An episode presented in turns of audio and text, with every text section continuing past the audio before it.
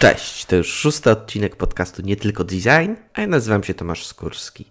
W tym programie rozmawiam o cyfrowych produktach, procesach, projektowaniu i bardzo szeroko pojętym designie. Dzisiaj moim gościem jest Justyna Karamus. Justyna zawodowo zajmuje się ceramiką i to będzie główny temat naszej rozmowy. W przeszłości Justyna projektowała wielkie serwisy internetowe. Dzięki temu jej opowieść o tym, jak tworzy różnego rodzaju naczynia, jakie są podobieństwa i różnice w procesie projektowania, są naprawdę ciekawe. Co więcej, Justyna nawet o porażkach opowiada naprawdę bardzo inspirująco. Notatki do rozmowy i cały jej zapis dostępne są na stronie nietylko.design. Nie przedłużając, miłego słuchania. Cześć Justyna. Cześć Tomku. A czy możesz y, się przedstawić naszym słuchaczkom i naszym słuchaczom i powiedzieć, czym się zajmujesz? Nazywam się Justyna Karamus. E, robię, projektuję i robię rzeczy z ceramiki. E, rzeczy codziennego użytku, takie, które mają dawać ludziom radość, być ładne i użyteczne i wygodne. To jest dla mnie strasznie ważne i to jakby też chcę innym pokazać, e, że nawet w takich zwykłych przedmiotach właśnie codziennego użytku ma fun ich funkcja kształt i przeznaczenie mają bardzo wielkie znaczenie. I od y, samego początku, od projektowania aż poprzez y, produkcję, y,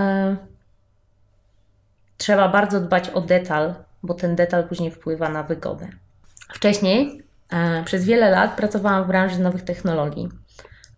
Projektowałam strony internetowe i aplikacje. I tam jakby życiem moim codziennym było, e, było e, doprowadzanie jakiegoś bytu wirtualnego do powstania, od projektowania aż po uczestnictwo w jego wdrożeniu. E, I teraz widzę, że w przedmiotach codziennego użytku jest tak samo. Tak? To jest bardzo ważne, żeby, mm, żeby dbać o końcowy projekt od samego początku aż do końca. Okej. Okay. Przez 10 lat zajmowałaś się, e, przez 10 lat e, zajmowałaś się technologią. Czemu postanowiłaś zająć się ceramiką? Czy to jest tak, że któregoś dnia wstałaś z łóżka, spłynęła na ciebie światło, przeszły po tobie dwa tabuny kotów?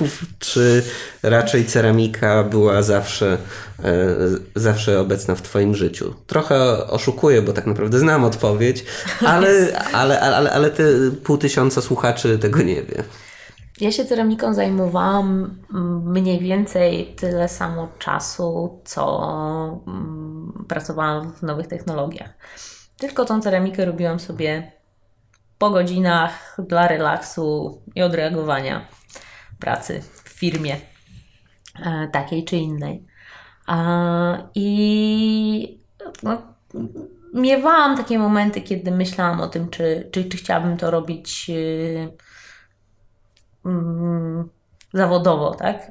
Mhm. Ale, no, ale to gdzieś tam było przez długi czas najwyżej z tyłu głowy. Aż do momentu, kiedy, kiedy tak, po pierwsze poczułam, że w projektowaniu user experience, tak, w projektowaniu mhm. o, online nowych rzeczy już gdzieś, już mi jest tu ciasno, tak, jakby e, nie czułam, żebym się rozwijała jakoś. Miałam, miałam ochotę yy, i, i potrzebę, żeby z tym projektowaniem wyjść poza, yy, poza usługi cyfrowe. To był jeden powód. Yy, drugi powód był taki, że no, że sama ceramika coraz bardziej mnie ciągnęła i coraz bardziej sobie e, uświadamiałam, że jednak ten materiał jako sam materiał jest na tyle, na tyle fascynujący, że chciałabym zrobić z nim coś więcej. A ja jestem też trochę przekorna z natury i, i, i wolę. Nie, no coś ty. wbrew pozorom jestem. E, mm, tu można się, e, no można tego nie zauważyć, ale jednak jestem. E, I, i wolę pod prąd niż z prądem robić rzeczy. I to pójście w ceramikę jest dla mnie trochę takim pójściem pod prąd, bo, no, bo U, branża UX jest taka cool i e, super i e, nowoczesność, e, zmienianie świata i tak dalej. No, zmienianie świata, no, na lepszy i bardziej użyteczny. Halo, Tomku, nie patrz tak na mnie. A ja myślałem, że cały czas chodzi o to, żeby zarabiać więcej pieniędzy i żeby KPI się zgadzały. No tutaj też przekora moja ma coś do rzeczy, no bo e, o ile w branży UX można powiedzieć, że to jest branża, w której e, są przyzwoite pieniądze, no to z drugiej strony również wiadomo, że rzemieślnicy bidesk robią i z robienia rzeczy z ceramiki będzie trudniej się utrzymać niż, niż z UX-a.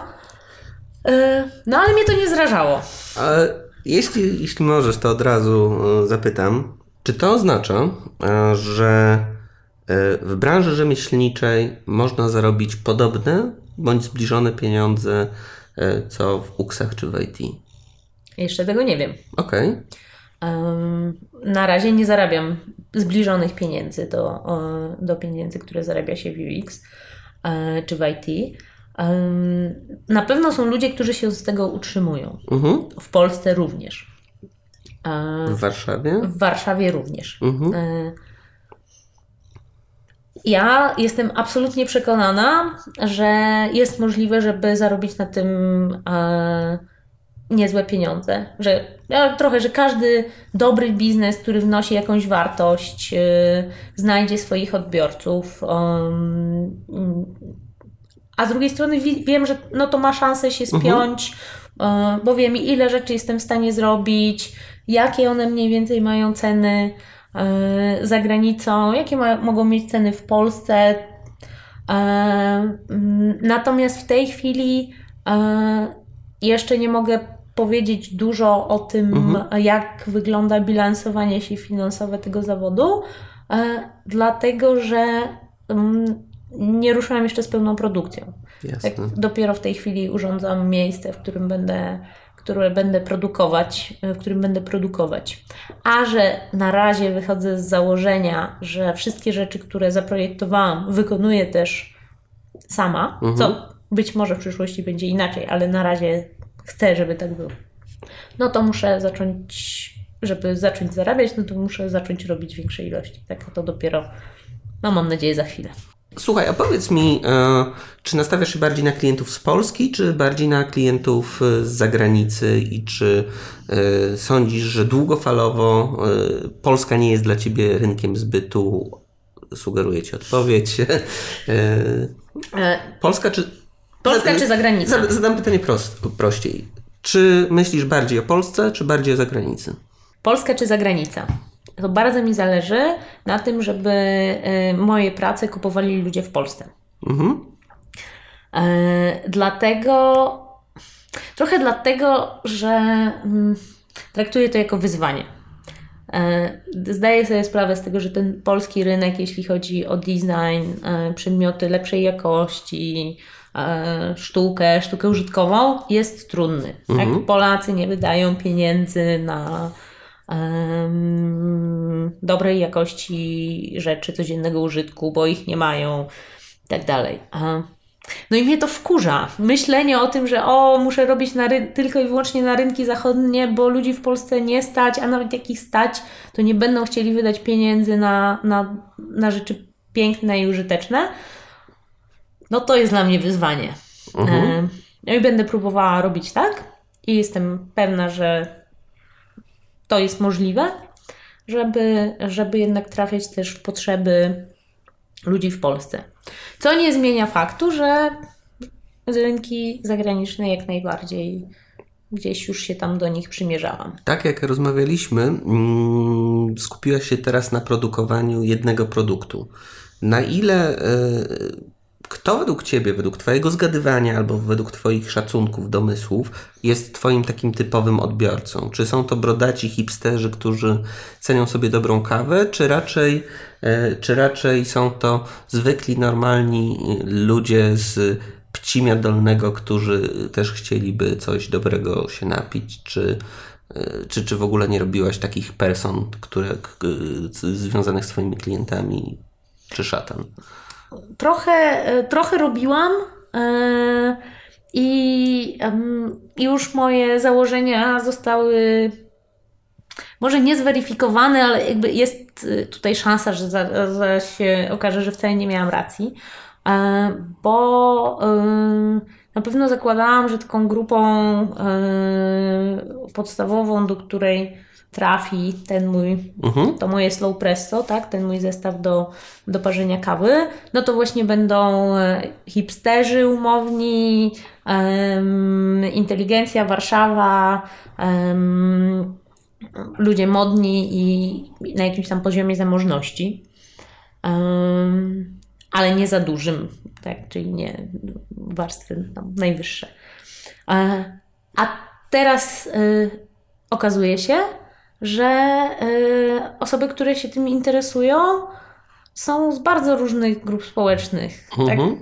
Również osoby niespecjalnie zamożne, które zupełnie przypadkiem się dowiadują o tym, że jest taka rzecz i coś o niej słyszą.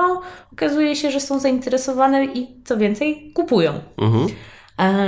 Dlatego y, no, jestem bardzo, jakby muszę, wiem, że muszę uważać, żeby sobie nie zawęzić w sztuczny sposób y, grupy docelowej, myśląc, że a, dobrą kawę to docenią tylko ci i ci, y, bo y, mimo, że nie wiem, duża część Polaków nadal pije kawę plujkę ze szklanki, to, yy, to oni są w stanie mm, zainteresować się dobrą kawą, ładnym przedmiotem. Yy, A yy, dla osób o nie bardzo dużym budżecie, Mhm. to, to to, co ja mam do zaoferowania, jest tysiąc razy bardziej dostępne finansowo niż es- ekspres y, do kawy, który kosztuje tysiące, tak? Więc to nie jest aż taka duża bariera. Słuchaj, nie obawiasz się takiej sytuacji, że y, ceramika, jak mówisz, była przez dobrych kilka lat Twoją pasją, zanim stała się Twoją pracą, a, i wtedy robiłaś y, bardzo ciekawe artystyczne rzeczy, które były ładne, estetyczne, eleganckie, y, takie fajne, tak? A, a czy nie obawiasz się, że jak skupisz się na e, produkcji, zresztą użyłaś słowa produkcja, na produkcji jednej konkretnej rzeczy, e, to czy nie będzie to po prostu praca, a nie pasja i miłość i w ogóle takie, wiesz, pozytywne zakrę- zakręcenie w tym temacie? No, praca to praca, więc tak, tak będzie. No. E, nie powiem, żebym się tego obawiała, bo no, myślę, że jestem z tym jakoś pogodzona. Mam nadzieję, że nie będzie mi y, trudniej znaleźć y, czasu, że znalezienie czasu na robienie jakichś rzeczy innych, tak? Mhm. Jakby takie bardziej wyrażanie się artystycznie przez ceramikę. Będzie mi to tak samo trudno znaleźć na to czas, jak mi było trudno, kiedy pracowałam gdzieś na etat. Mhm. No i godzę się z tym, tak. Ej, ale na, jakby mam taki plan, że to będę robić, tak? Że oprócz tej mojej głównej linii rzeczy, które chcę produkować, tak, i wprowadzać na rynek, no to zakładam, że gdzieś tam po godzinach, od czasu do czasu znajdę czas na to, żeby zrobić jakąś unikalną, jedyną w swoim rodzaju rzecz z potrzeby serca. A, czyli nie chcesz tego porzucić. No nie, nie, dobra. nie chcę tego porzucić. Nie chcę tego porzucić, ale jakby tam to nie będzie miało e, już jakby takiego komercyjnego nastawienia. A jeśli będę sprzedawać te przedmioty, to po bardzo wysokich cenach. Jeszcze wyższych niż teraz. Je, ale co, znaczy Twoje pytanie jeszcze wyższych?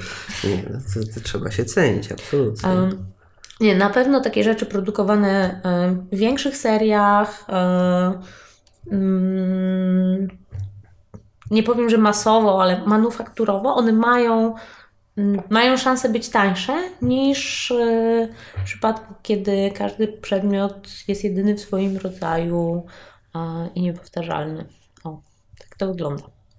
Powiedz mi, jestem ignorantem, jeśli chodzi o ceramikę. Co powinienem wiedzieć jako podstawę? Czym się różni ceramika od porcelany, ratunku, pomocy. Wyjaśnij mi to jak kompletnemu kretynowi. Okej, okay, to prosto odpowiadając na, na, na to pytanie, które powiedziałeś, czym się różni ceramika od porcelany? Porcelana jest rodzajem ceramiki. Mhm. E, różni się, wyróżnia się mm, kilkoma cechami, których taką najbardziej rzucającą się w oczy, czy możliwą do zauważenia, jest to, że porcelana po wypaleniu jest częściowo przezroczysta. Mhm. Czyli jeżeli w, do porcelanowej, nie wiem, filiżanki czy um, jakiegoś naczynia włożysz żarówkę czy lampkę, to to światło przechodzi przez e, porcelanę. E, zwykła ceramika nie ma takiej cechy, tak? Czyli zwykły kubek ceramiczny nie przepuszcza światła. Dla odmiany szkło jest e, całkowicie przepuszczające. Czyli można powiedzieć, że porcelana jest rodzajem ceramiki, w której wystąpił taki proces zeszklenia się tej masy. Oprócz tego porcelana jest też mm, trwalsza, wytrzymalsza zazwyczaj niż większość rodzajów ceramiki. Jest wypalana zazwyczaj w wyższej temperaturze, ale taką najbardziej unikalną cechą jest ta lekka przezroczystość. Jaka jest historia pochodzenia ceramiki? Czy pochodzi ona z Polski, Francji, Azji, Chin, e, Dolnego Paragwaju. Hmm. E, sama ceramika e, została wynaleziona, można powiedzieć, w wielu miejscach na świecie, niezależnie od siebie. Tak? Czyli to jest jeden z tych wynalazków, do, do których um, teorie antropologiczne mówią, że musiało do nich dojść, bo była i możliwość i potrzeba. Prawdopodobnie pierwsza wypalona celowo przez człowieka glina, którą de facto jest ceramiką, to było, to było na e, Bliskim Wschodzie, ale później w różnych miejscach powstawało. Inaczej ma się rzecz z porcelaną, która e, została wynaleziona, można powiedzieć, na razie tak powiem, została wynaleziona w Chinach E, I e, przez długie lata Chińczycy byli jedynymi, którzy znali tajemnicę e, tworzenia porcelany. Europejczycy bardzo chcieli wydrzeć Chińczykom tajemnicę produkcji porcelany i udało im się to dopiero na początku XVIII wieku. Mm, a z tym, że powiedziałam, że czy Chińczycy wynaleźli porcelanę, to jest to o tyle przewrotne, że oni wcale jej nie wynaleźli, tylko glinka porcelanowa jest e, dostępna w Chinach w stanie naturalnym. Góra Gaolin e, jest miejscem, gdzie jakby wydobywa się glinę porcelanową. Po prostu Chińczycy zaczęli produkować naczynia z tego, co, z tego, co tam było u nich. Myśląc o ceramice w Polsce, myślę Bolesławiec. I co poza tym? Czy Bolesławiec jest naszym jedynym miejscem, e, gdzie jest wytwarzana ceramika, ceramika, porcelana? Jeszcze cały czas widzisz, że jestem nubem. Ale spokojnie, myślę, że pod koniec tej rozmowy już tak nie będzie. W sensie będzie wyjściówka na koniec. myślę, że jestem w stanie coś przygotować. faktycznie w Bolesławcu produkowana jest ceramika, nie jest produkowana tam porcelana. Natomiast y, jest y, w Polsce kilka ośrodków produkujących porcelanę. Takim największym nie tylko w Polsce, ale też jednym z większych w Europie producentów porcelany jest połączona, są fabryki w Śmielowie i w Chodzieży, które w tej chwili są jedną firmą, więc Śmielów, Chodzież to jest jeden producent, um, właśnie topowy, jeśli chodzi o ilość produkcji. Um, produkujący taką, z jednej strony taką tradycyjną porcelanę z wzorami, którą jesteś w stanie sobie wyobrazić, złocone brzeszki, um, tradycyjne kształty naczyń, ale eksplorują też nowoczesny design. W ramach Ćmilowa powstała taka mm, grupa, grupa ludzi, którzy się nazywają Ćmielów Design Studio i tam pod, pod przewodnictwem Marka Cycuły, który jest ceramikiem już z wieloletnim doświadczeniem. Mm, młodzi polscy projektanci kreują tę nową, nową jakość polskiej porcelany. I faktycznie ich prace są dosyć ciekawe, bardzo od, odróżniają się od tej tradycyjnej e, ćmielowskiej linii. Drugą taką dużą fabryką porcelany jest, e, jest fabryka Wałbrzyska, która w tej chwili jest znana pod brandem Christoph. I Krzysztof również postawił na młodych polskich projektantów i też ma bardzo fajne i ciekawe produkty. Czy w ciągu ostatnich 50 lat mieliśmy w Polsce, yy, tak jak mieliśmy szkołę polskiego plakatu, to czy mieliśmy szkołę polskiej ceramiki? Pytam o to dlatego, bo przychodzą mi do głowy Mm, jakieś formy i jakieś, jakieś e, kreacje, które powstawały w latach 60. i były takie bardzo klasyczne, takie, przepraszam, nie klasyczne, tylko bardziej właśnie takie mocno modernistyczne, z taką, z taką formą, która była dość. E, z jednej strony była bardzo prosta forma, a z drugiej strony była bardzo istotna funkcja w tych, w tych, w tych, w tych, e, w tych, w tych projektach. Właśnie skrajny minimalizm na, na poziomie projektowania, czy, czy, czy nie wiem, czy, czy, czy, czy, to jest moje domniemanie i to być może była enerdowska, enerdowska produkcja, czy w Polsce też taka kultura i taka estetyka miała miejsce?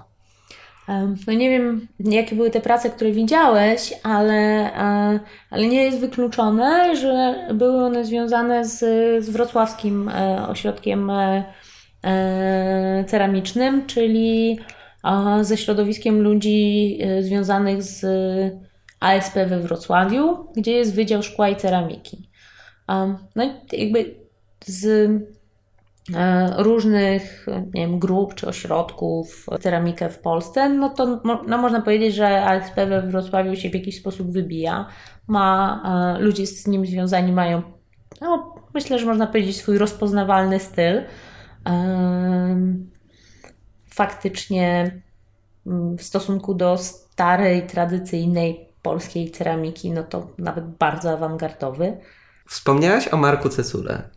Y, rozumiem, że jest to jedno z najważniejszych nazwisk, jeśli chodzi o mm, ceramiczną sztukę, czy sztukę użytkową ceramiki, szatan. Y, kto poza nim przychodzi Ci do głowy? Mm, nie, nie chciałabym. Znaczy, mam wrażenie, że, że wymieniając tutaj kilka nazwisk, to będę, to będzie krzywdzące dla pozostałych. Um, myślę, że w tej chwili ciężko powiedzieć, żeby, był, mm, żeby w Polsce były nazwiska bardzo wyróżniających się um, twórców. E, jest wiele osób e, z różnych grup, z różnych środowisk, którzy e, mają też dość zróżnicowane prace i bardzo ciekawe. Tak, Marek Cycuła to, to, co najbardziej go, najbardziej go wyróżnia, to jest to, że miał dosyć ciekawą historię mhm. życiową. E, I e, bo, bo tworzył zarówno w, e, w Izraelu, w Nowym Jorku i w Polsce. Tak. Natomiast ja bym powiedziała raczej nie o nazwiskach, tylko o grupach czy środowiskach tak, mhm. związanych z ceramiką. Bo tak z jednej strony jest właśnie Wrocław, z jednej strony jest Wrocław i, e, i ceramicy, absolwenci i Wrocławia i profesorowie Wrocławia. Z drugiej strony są środowiska ceramików e, no, którzy nie ukończyli wyższych uczelni, ale jakoś tą, e, tym rzemiosłem się zajmują. I to jest z jednej strony mm, Związek Ceramików Polskich, e, zorganizowany przez Darka Osińskiego. Z drugiej strony to jest Stowarzyszenie Keramos, w których w którym też jest wielu bardzo, bardzo ciekawych twórców ceramiki. No, na pewno warto zwrócić uwagę na taką, powiedziałabym, nową falę, e, nową falę ceramików, którzy są trochę ceramikami, trochę designerami i jakby, no można powiedzieć, że zamieszali tutaj na, na, na rynku ceramicznym. E, teraz we wrześniu tego roku była taka wystawa Ceramika by PL, organizowana przez y, jednym z organizatorów była ma marka e, ceramiczna, która się nazywa Inżynieria Designu. To są młodzi tutaj warszawscy twórcy ceramiki. Mm, no, na pewno to jakby też jest fajne, ciekawe i rozwijające się coraz bardziej środowisko. Czy mogłabyś mi powiedzieć w takim bardzo dużym skrócie, bez wchodzenia w jakieś takie zabójcze, e, zabójcze szczegóły? Postaram się. Ale jeszcze nie wiesz o czym. Ale postaram się bez wchodzenia w zabójcze szczegóły. Jak wygląda proces projektowy, proces tworzenia kubka, garnka, lampy? Czy to się bardzo mocno między sobą różni, czy nie?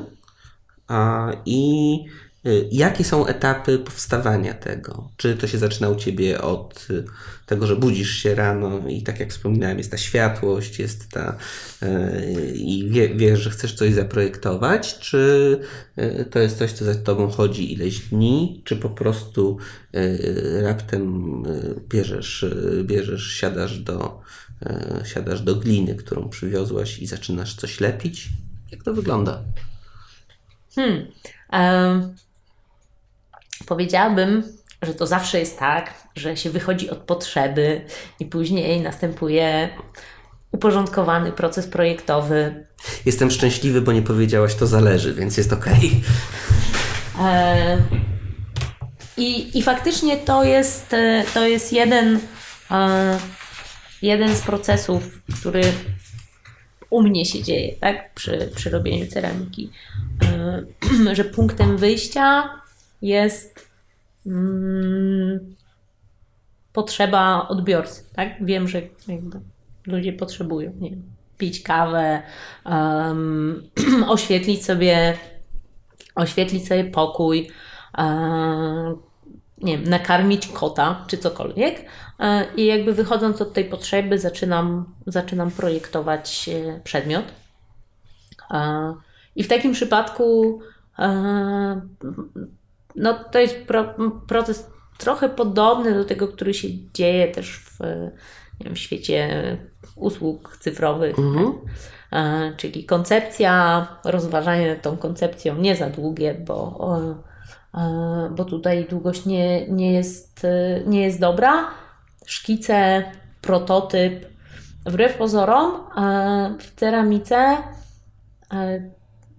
też trzeba robić prototypy, mimo że tutaj można coś sobie ulepić z gliny, to w momencie, kiedy robisz jakąś większą rzecz, na przykład dużą lampę, no to jakby zrobienie całego gotowego kształtu to jest yy, bardzo żmudna robota. W związku z tym wykonanie zmniejszonego na przykład prototypu bardzo Ci pomaga wiem, uświadomić sobie pewne cechy, namierzyć problemy technologiczne, zobaczyć, jak to będzie grało, jak, jakby z wnętrzem, jakie to, jakie to będzie.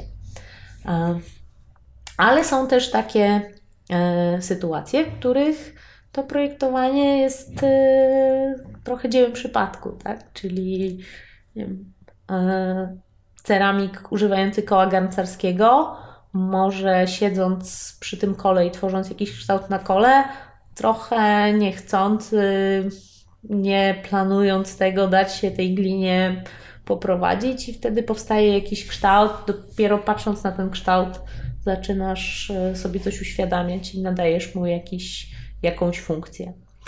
Co to znaczy ponieść się glinie? Jest takie powiedzenie e, wśród ceramików. Ono trochę tutaj zahacza o taką magię i i wiarę w to, że glina, że glina ma osobowość, e, że glina wie, czym chce być. Czyli ceramika, twórcy wpływ na mm, ostateczny kształt jest ograniczony, ponieważ ta materia już sama w sobie ma zapisaną jakąś, jakąś ideę, jakiś cel. I ceramik może tylko albo z tym walczyć i wtedy osiągnie porażkę, albo jakby posłuchać się tej materii i wtedy może powstać coś wspaniałego. Okej. Okay. Widzę, że nie jesteś przekonany. Nie chodzi o to, że nie jestem przekonany. E, zastanawiam się, na ile to może być kwestia instynktu, żeby coś takiego stworzyć, e, a na ile wiedzy do y, wykształcenia zrealizowanych wcześniej projektów i na ile to jest y, mm, na ile to jest nie tyle sensualne, bo o, o tej mhm. sensualności rozmawialiśmy wcześniej też, Wiesz co, wierzę w to, jakkolwiek y, nie wiem, czy nadawałbym temu takie metafizyczne y, znaczenie, chociaż absolutnie wierzę w to, że instynktownie możemy coś zaprojektować, czego nie przemyśleliśmy i, i, i co do czego nie mamy takiej jasnej, konkretnej wizji. Natomiast y, wiedzeni przez nasze instynkty możemy to zrobić dobrze. Nie mówię teraz o ceramice, bo na tym się nie znam, tylko mówię raczej o, y, o jakimś interfejsie bądź jakimś mhm. rozwiązaniu, jakiejś usłudze.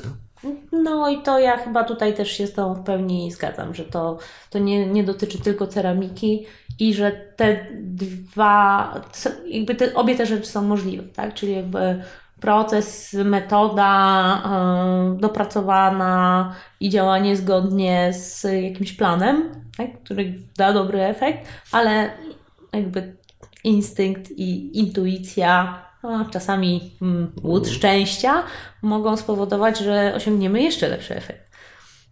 Sądzę, że tutaj ten łód szczęścia, o którym mówisz, ogólnie rzecz biorąc, szczęście jest bardzo często potrzebne e, przy projektowaniu.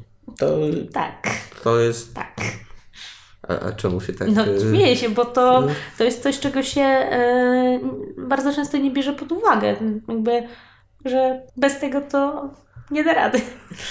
Mamy etap prototypów. Co dzieje się dalej z tą kliną? Jak się robi rzeczy z ceramiki, tak? Jak się produkuje już e, docelowe kształty, to takim przez lata najczęstszym i, i najbardziej efektywnym sposobem produkcji było toczenie na kole garncarskim, e, które umożliwia stosunkowo wy, wyszkolonemu rzemieślnikowi, pozwala na stosunkowo szybkie wykonanie mm, dużej liczby całkiem podobnych do siebie przedmiotów. A potem przyszedł nowy wynalazek, e, który sprawił, że toczenie na kole garncarskim przestało już być najefektywniejszą technologią i tym wynalazkiem było odlewanie przedmiotów ceramicznych z form gipsowych. E, I w tej chwili większość produkowanej na świecie ceramiki to jest, są właśnie przedmioty odlewane w formach gipsowych. Tak? Tutaj masz herbatę w kubku i ten kubek na pewno był w formie kiedyś. Tak. Mhm. Odlewany z formy. Ehm, toczenia na kole garncarskim w tej chwili używają, jakby to już jest metoda stosowana tylko i wyłącznie przez rzemieślników. Um, I ona ma ten minus, że no, dość trudno jest się tego nauczyć. Tak? To nie jest taka rzecz, którą e, siadasz, toczenie na kole garncarskiej w weekend przeczytasz, obejrzysz dwa filmiki na YouTubie i, i masz to. Mm. Ej, czyli to wymaga kompetencji i wiedzy. To wymaga kompetencji, wiedzy i doświadczenia. Bez sensu. E... W, sensie, w, sensie, w sensie nie ma kursów ceramika dla opornych w dwa dni. Są kursy ceramika e, dla opornych w dwa dni, e, ale one nie obejmują toczenia na kole garncarskim niestety. I jak myślałam o tym, że będę się zajmowała mm, na szerszą skalę e, robieniem e, rzeczy z ceramiki, czyli jeszcze mm, parę miesięcy temu, to myślałam sobie, ok, toczenie e, na kole jest fajne, jakoś już się tego nauczyłam, no ale w tej chwili, jak chcę wprowadzać na rynek takie to trochę bardziej masowe produkty, to mi się to nie przyda. E, I okazuje się, że miałam, że kompletnie się myliłam, bo toczenie kole garncarskim jest super, e, super fajnym narzędziem do po pierwsze prototypowania, a po drugie e, można go używać w samym procesie projektowym. Bo żeby bo pozwala ci to na bardzo szybkie stworzenie kształtu, który, który już jest trójwymiarowy, tak? Możesz go wziąć do ręki, obejrzeć, wypróbować. Ale czy to jest bardziej takie low fidelity, prototyp niskiej szczegółowości, czy jest to już coś, co y, jest wyglądem, przypomina formę ostateczną, natomiast nie jest funkcjonalne, nie nadaje się do użytku? E, może być, jak najbardziej może być to prototyp high fidelity, tak? Używając tej terminologii y, z produktów cyfrowych. Ja w tej chwili y, robię tak i, widzę już teraz, że mi się to bardzo sprawdza, że y, przez jakiś czas toczę rzeczy na kole garncarskim, tak? Jedna, druga, trzecia, czwarta, piąta. One się między sobą trochę różnią, Wszystkie jakby doprowadzam do końca ten proces produkcyjny. To są rzeczy skończone, wypalone, gotowe, można ich używać, można z nich pić, jeżeli są kubkami, czy jakby można z nimi zrobić to, do czego służą. E, I dopiero po jakimś użyciu ich e, dochodzę do wniosku, jak ma wyglądać finalny produkt, który zakładam, że będzie miał yy, formę gipsową i będzie już zawsze taki sam. Myślę sobie o kole garncarskim, że to jest chyba takie najbliższe stereotypowemu y, wyobrażeniu osoby zajmującej się y, ceramiką, że to jest coś, co bardzo mocno utożsamiasz z tą rolą i jest to rodzaj takiego dla mnie podstawowego narzędzia, że widzę koło, myślę mhm. sobie, a ta osoba się zna i zajmuje, e, zajmuje ceramiką, więc być może też posiadanie takiego koła jest kwestią odpowiedniego pozycjonowania ciebie jako specjalisty. Um, na pewno jest to um, um, specjalistyczna umiejętność, ale jest też wielu ceramików, którzy nie korzystają z koła i stosują inne techniki i dobrze sobie z tym radzą. Więc w tej chwili spokojnie można prowadzić działalność y, ceramiczną koła nie mając. A słuchaj, a czy korzystając z drukarek 3D y, można robić jakieś produkty ceramiczne? Ach, drukarki 3D y, to jest temat oczywiście ekscytujący. Na pewno masowa produkcja rzeczy z ceramiki przy użyciu drukarki 3D nie ma sensu. To jakby już na innych y, polach mm, produkcji przedmiotów codziennego użytku też to się okazało, że, że niestety no, drukarki do tego nie posłużą, żeby dużo czegoś robić, e, bo są za wolne i za bardzo zawodne. Ale jest jedna branża w ceramice, której e, technologia druku 3D otwiera nowe drzwi. E, I to jest rzeźba ceramiczna. To, jakie niesamowite przedmioty mm, ceramiczne można zaprojektować i potem wydrukować, to no, wielokrotnie byłam pod naprawdę wielkim wrażeniem. Piękna. Natomiast y, w tym obszarze, który mnie najbardziej interesuje, czyli przedmiotów użytkowych, no to jakby dużo mniej. Umieścimy w notatkach do tego e, podcastu odnośniki do tego typu rzeźb, które będą w ten sposób wydrukowane. Sądzę, że to będzie fajne, takie poglądowo zobaczyć, e, zobaczyć jak to faktycznie wygląda. Naprawdę polecam, bo, bo, bo, bo są to fajne ciekawe rzeczy. Kilka dni temu przeczytałem bardzo ciekawy wpis na Twoim blogu, który trochę podsumowywał to, o czym yy, podsumowywał to, o czym mówiłaś. To było bardzo inspirujące w wielu miejscach. I tam pisałaś między innymi o tym, jakie produkty wyprodukowałaś i jak wyglądał w ogóle Twój proces dochodzenia do, yy, dochodzenia do zajęcie się produkcją jednej konkretnej rzeczy, czy mogłabyś opowiedzieć, jak to u Ciebie wyglądało i jaki był też ten proces myślowy, który zachodził tam, tam w tle? Hmm. E, no pytanie, czy będę w stanie o tym e, opowiedzieć e, pokrótce, bo, bo jest to niesłychanie dla mnie e, ważny i ciekawy temat, więc jakbym popłynęła, to mnie, to mnie tutaj wstrzymuj. Nie, nie, nie będę Ciebie wstrzymywał, po prostu Ciebie wyedytuję. A ten, ten taki makiaweliczny śmiech musi tutaj zostać. To... Żartujesz. Ja się śmieję tylko dlatego, że wiem, że to wytniesz. Boże. Mm.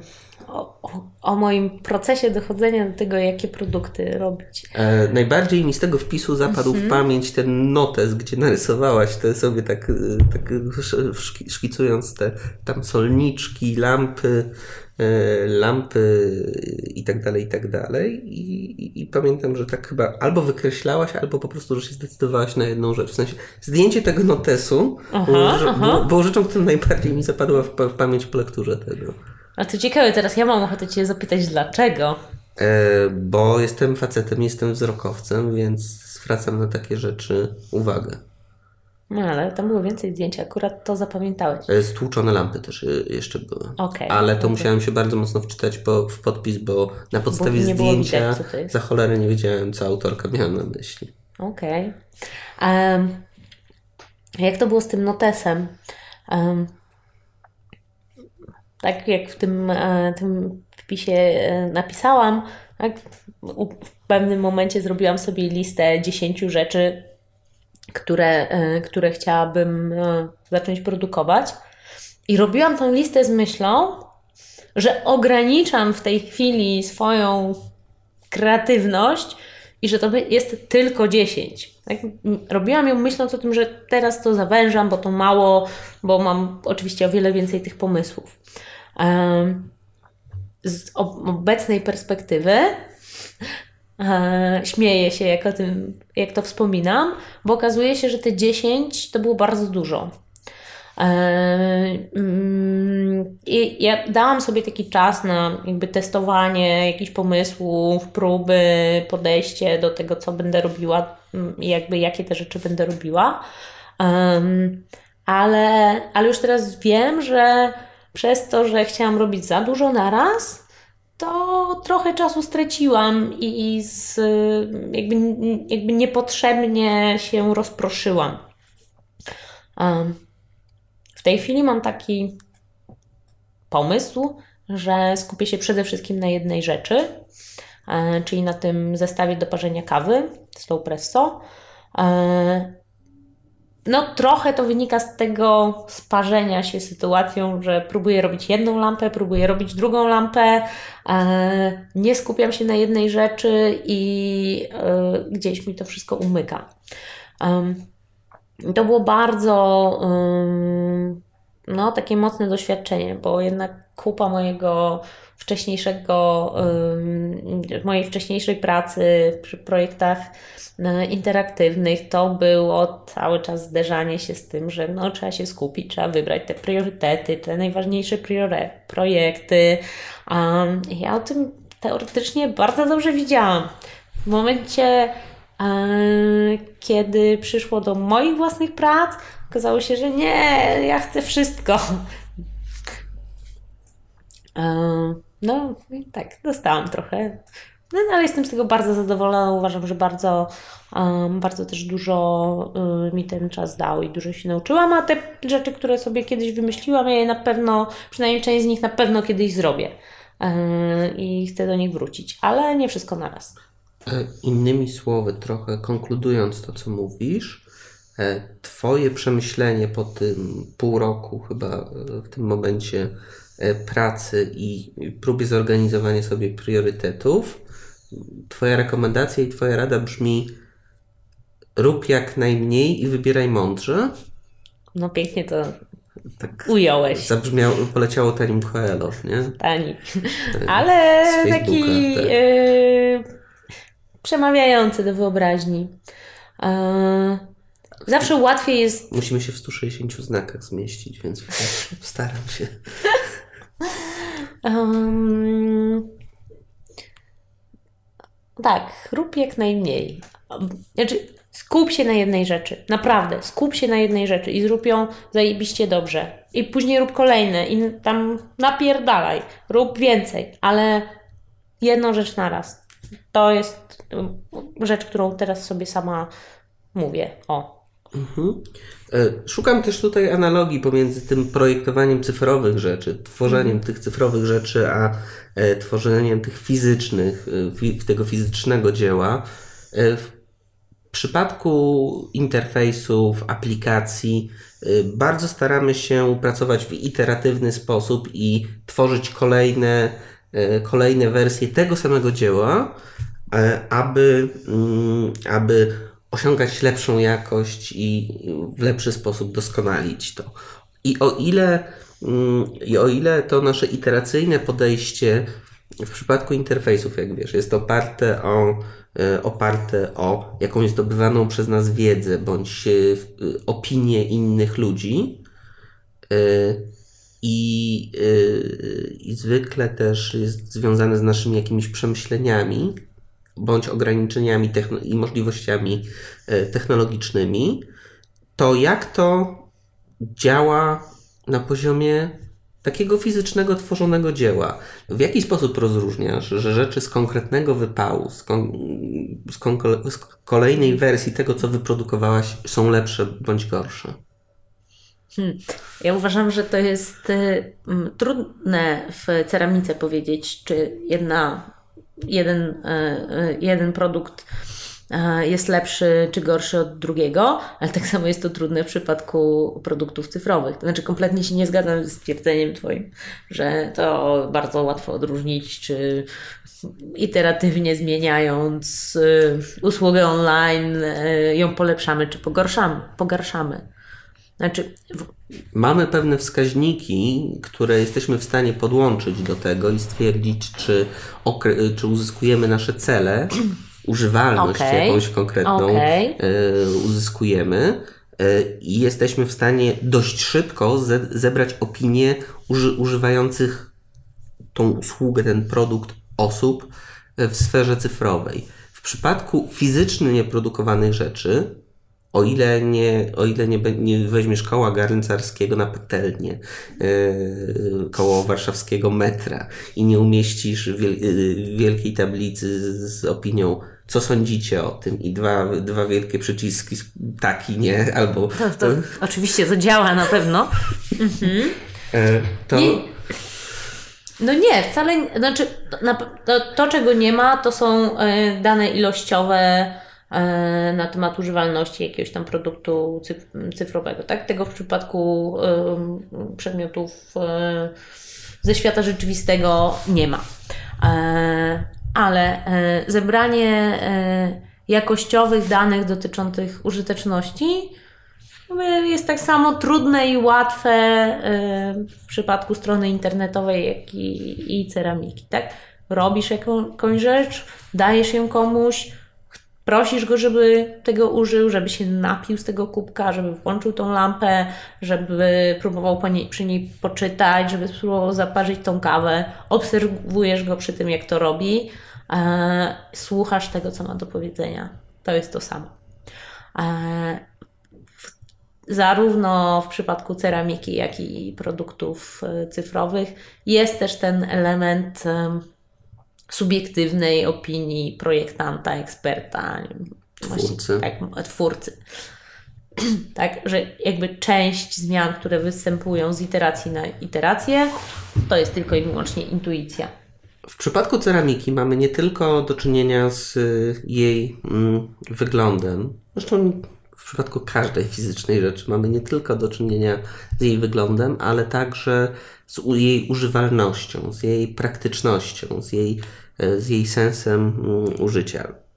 Jako, że Ty pochodzisz e, z, e, z, z tego środowiska cyfrowego, chcąc, nie chcąc, użyteczność i budowanie dobrych doświadczeń z użyciem produktów, bo wiem, bo rozmawialiśmy też o tym wielokrotnie, było bliskie Twojemu sercu. A jak to, jak to wygląda w przypadku ceramiki? Na ile ten aspekt używalności jest istotny i czy forma, forma, wygląd tworzonego rozwiązania, co jest dla Ciebie ważniejsze? Używalność, forma, materiał, mm. szatan?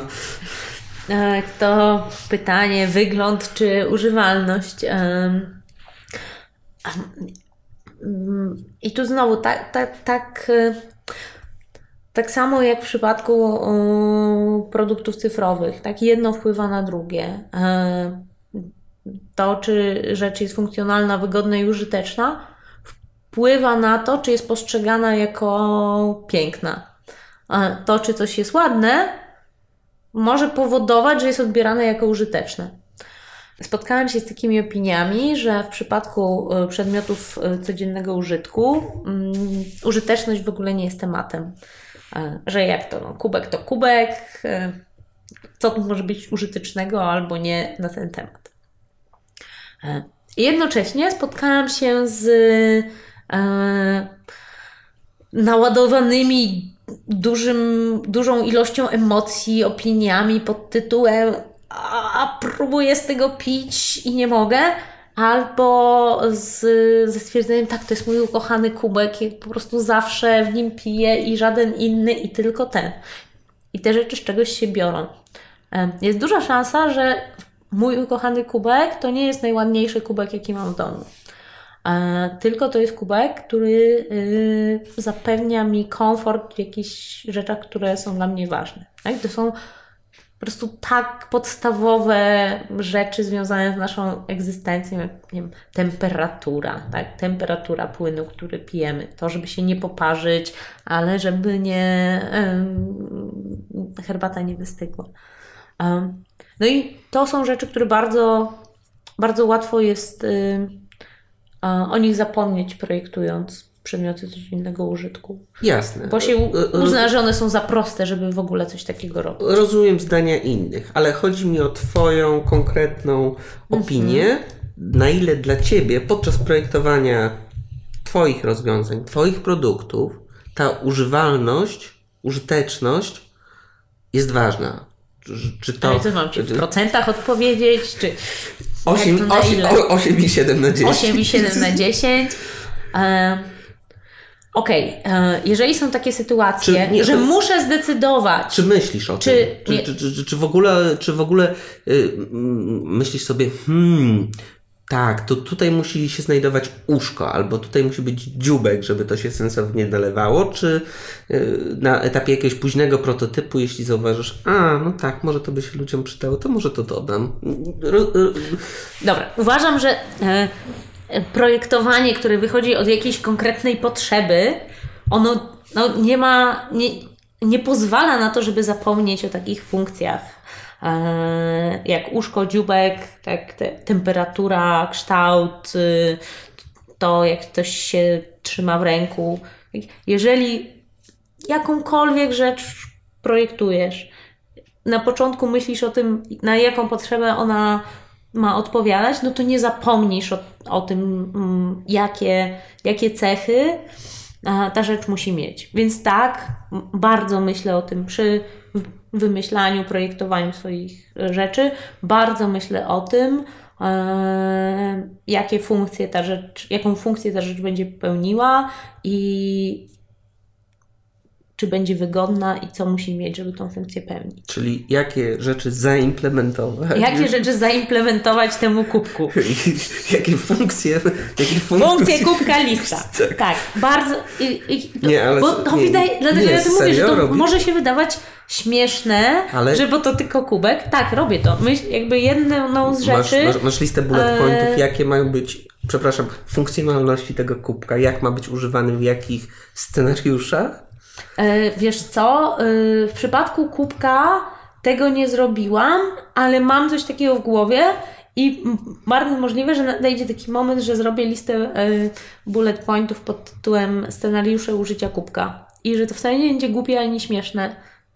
Ale ja mam poważną minę i zadałem ci to pytanie, nie żeby sobie drzeć z ciebie łacha, tak, bo to, bo to, bo to nie jest moim celem, ale, ale bo jest to ciekawe i szukam tutaj analogii pomiędzy jednym procesem, yy, tym cyfrowym, a tym fizycznym. I na ile właśnie zbieranie tych wymagań funkcjonalnych yy, po prostu uwzględniasz przy projektowaniu fizycznej fizycznej rzeczy i czy jest to dla ciebie naturalny element, czy nie. I dlatego tak oto cisnę.